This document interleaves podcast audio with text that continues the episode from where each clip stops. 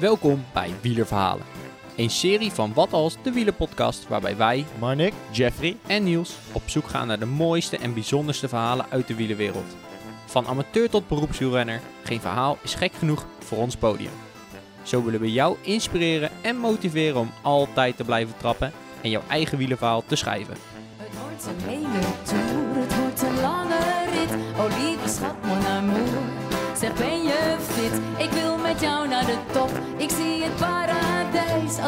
tussenstop. En dan weer vlucht naar Parijs. Nou, we zijn terug bij het zevende wielerverhaal inmiddels alweer. Hebben we er zin in, Marnik? Ja, altijd. Altijd. Kijk, ah, de spirit is goed. Ik hoor het al, ik hoor het al. Nou, meestal hebben we natuurlijk een, een, een gast. Ja, vaak, eh, vaak wel. Maar deze gast kennen we al, want die is eh, mede-podcaster. Ja, ik denk dat eh, onder de luisteraars ook wel bekend.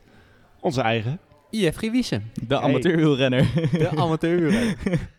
ja, want Jeffrey, eh, jij eh, ging nog een keer een verhaal eh, Ja, ja. vertellen. Eh, een verhaal wat je graag met, eh, met ons wilde delen en met eh, de luisteraars. Ja, het is voor mij een heel persoonlijk verhaal. En eh, eh, ja, ik, ik wilde het wel goed eh, verwoorden. Dus ik heb er even mijn tijd voor genomen. En eh, ik denk dat ik nu wel op een punt sta dat ik ook denk van nou, ik wil dit vertellen.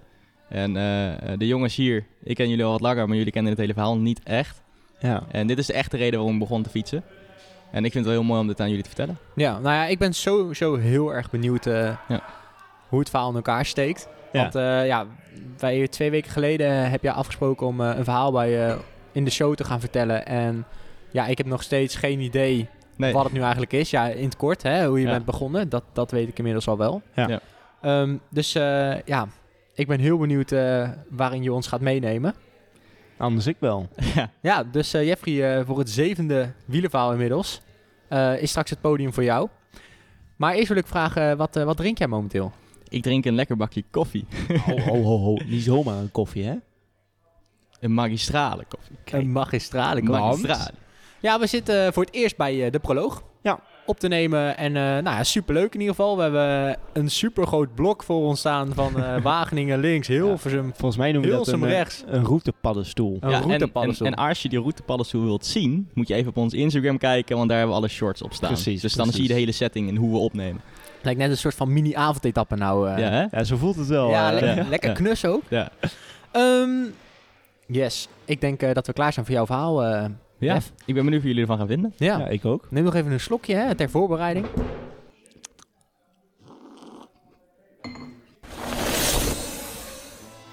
Fietscafé De Proloog in Amerongen.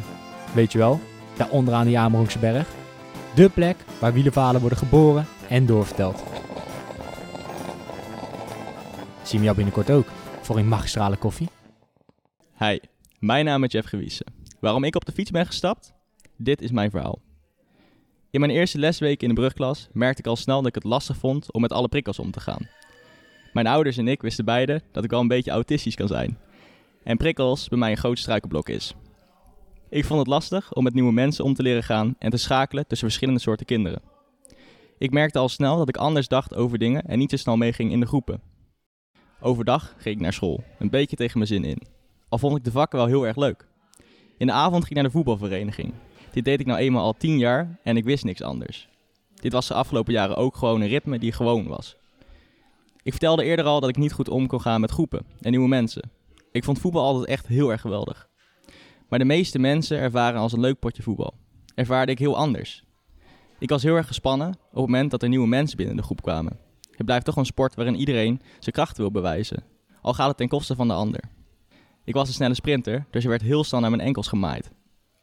Ik kon er simpelweg niet tegen dat er zo vies werd gespeeld onderling. Op school merkte ik dat daar ook veel hetzelfde gebeurde. Je hebt een groepje en iedereen die er buiten valt, wordt het gemaakt. Ik kon de prikkels halverwege het eerste jaar zo niet aan dat ik heel erg vaak ziek gemeld stond. Hier kwam de leerplicht bij kijken en moest ik naar een GGD-arts.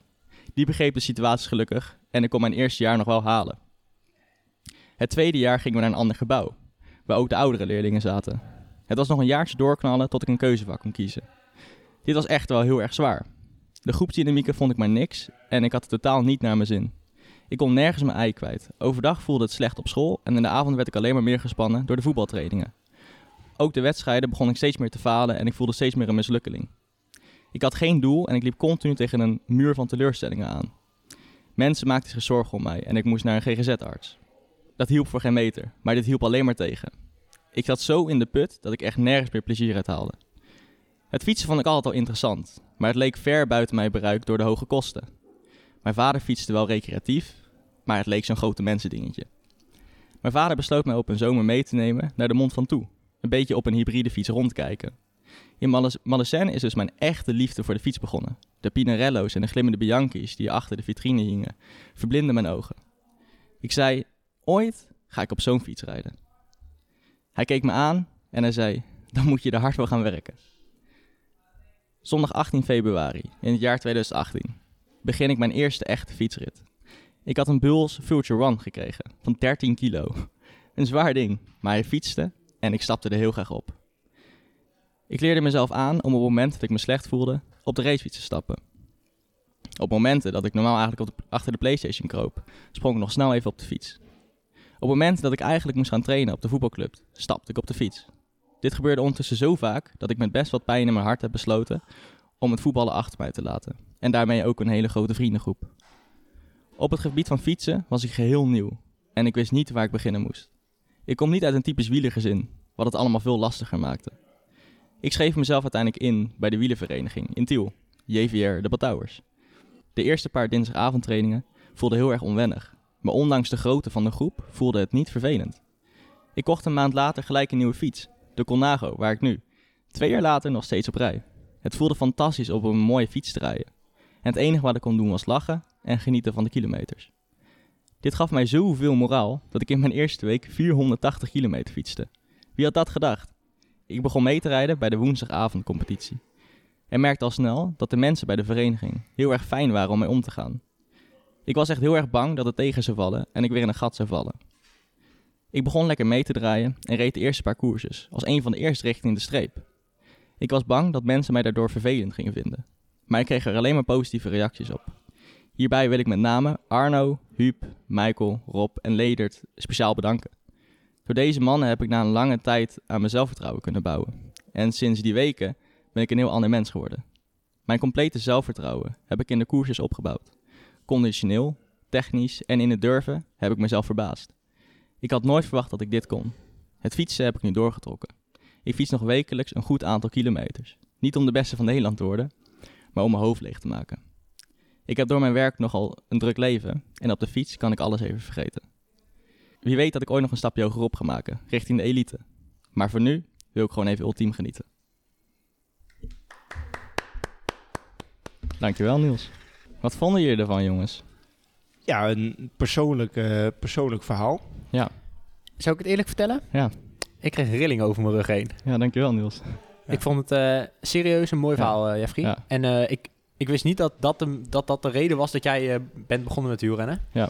Wat je zegt, dat leegmaken van het hoofd, dat herken ik wel. Ja.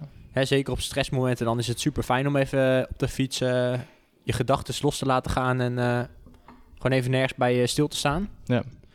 Maar eh, dat je dit wilt delen, vind ik, eh, ja, vind ik heel tof. Ja, Ja. ik had hier ook met mijn ouders en mijn vriendinnen over. En die zeiden van ja, eh, mijn vriendin die zei van is het niet iets te persoonlijk? En ik heb het met mijn ouders over gehad. Die zeiden van ja, je bent nu in een andere levensfase. En je hebt je hele middelbare schooltijd was voor mij gewoon een lastige tijd. En dat heb ik nu achter me kunnen laten door lekker te gaan werken. En daarom wil ik op de jonge leeftijd gewoon lekker gaan werken. En ben ik heel blij met wat ik nu mag doen.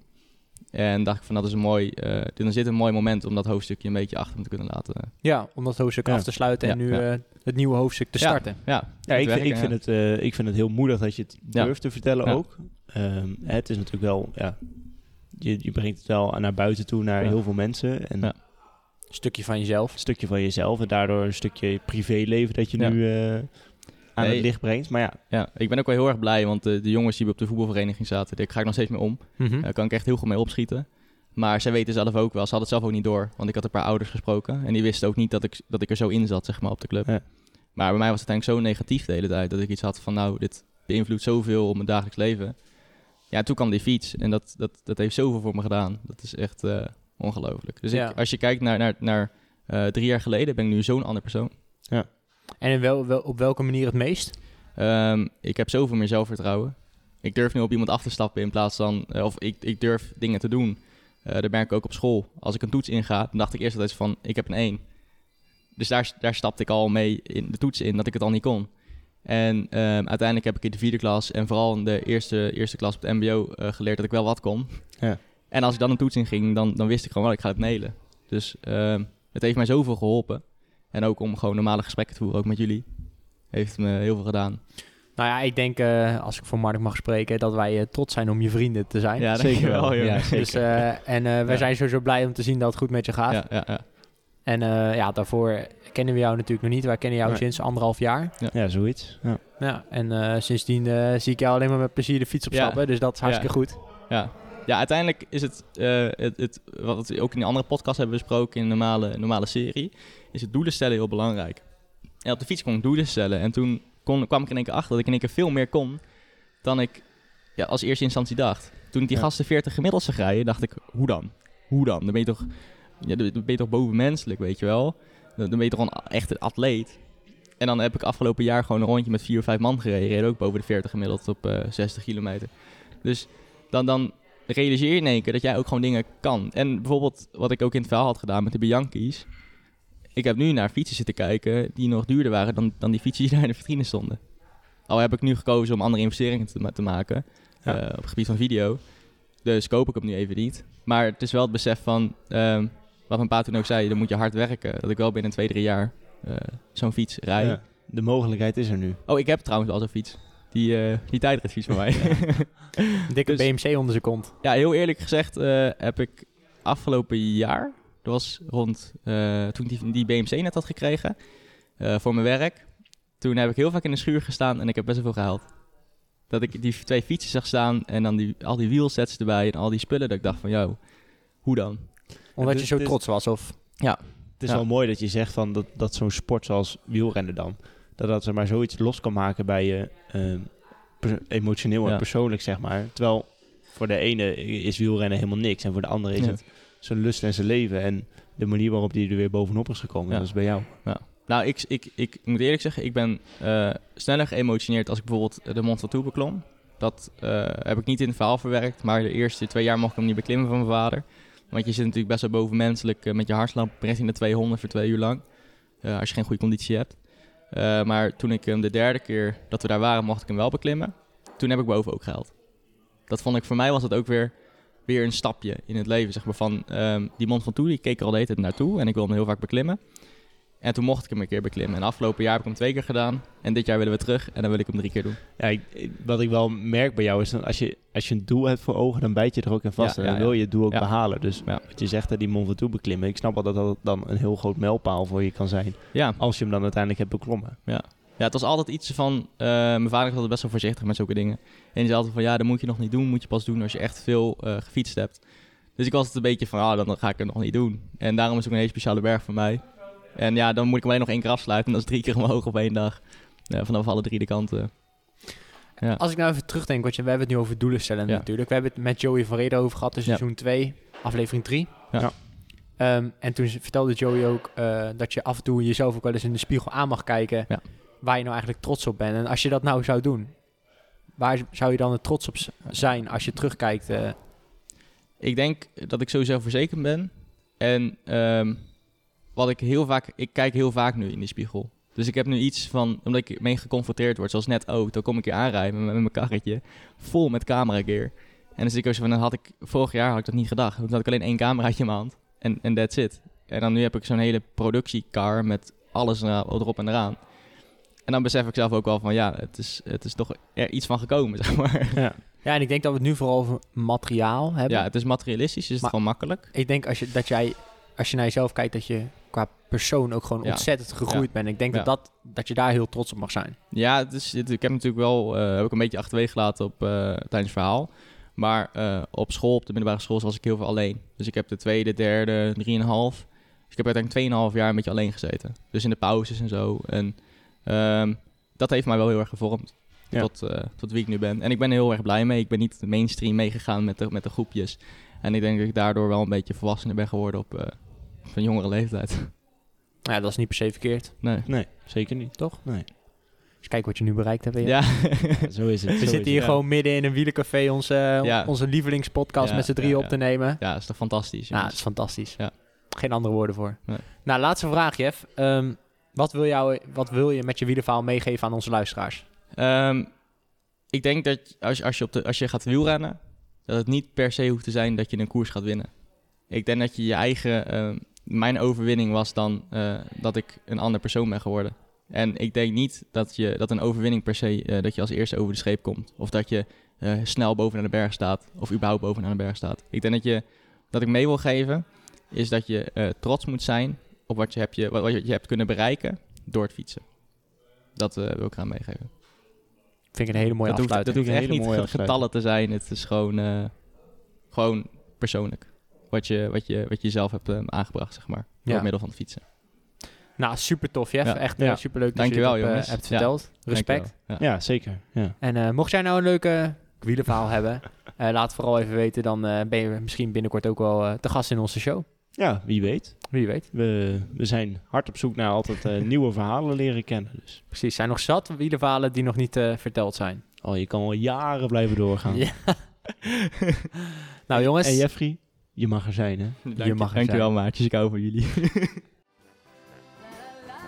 leuk dat je luisterde naar Wielenverhalen. Een serie van Wat Als, de Wielenpodcast. Heb jij een wielenverhaal die echt gedeeld moet worden met de wielenwereld? Twijfel dan niet en stuur een bericht naar ons telefoonnummer 06 82 61 2419. Wil jij meer afleveringen luisteren? Abonneer dan nu via Spotify, iTunes of jouw favoriete podcast app, zodat je geen aflevering meer mist.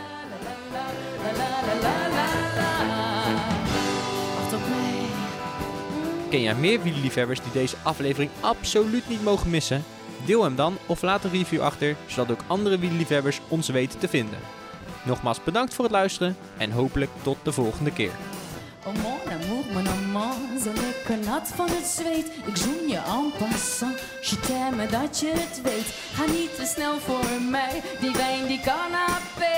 Alles wacht op jou, ja op de Champs-Élysées.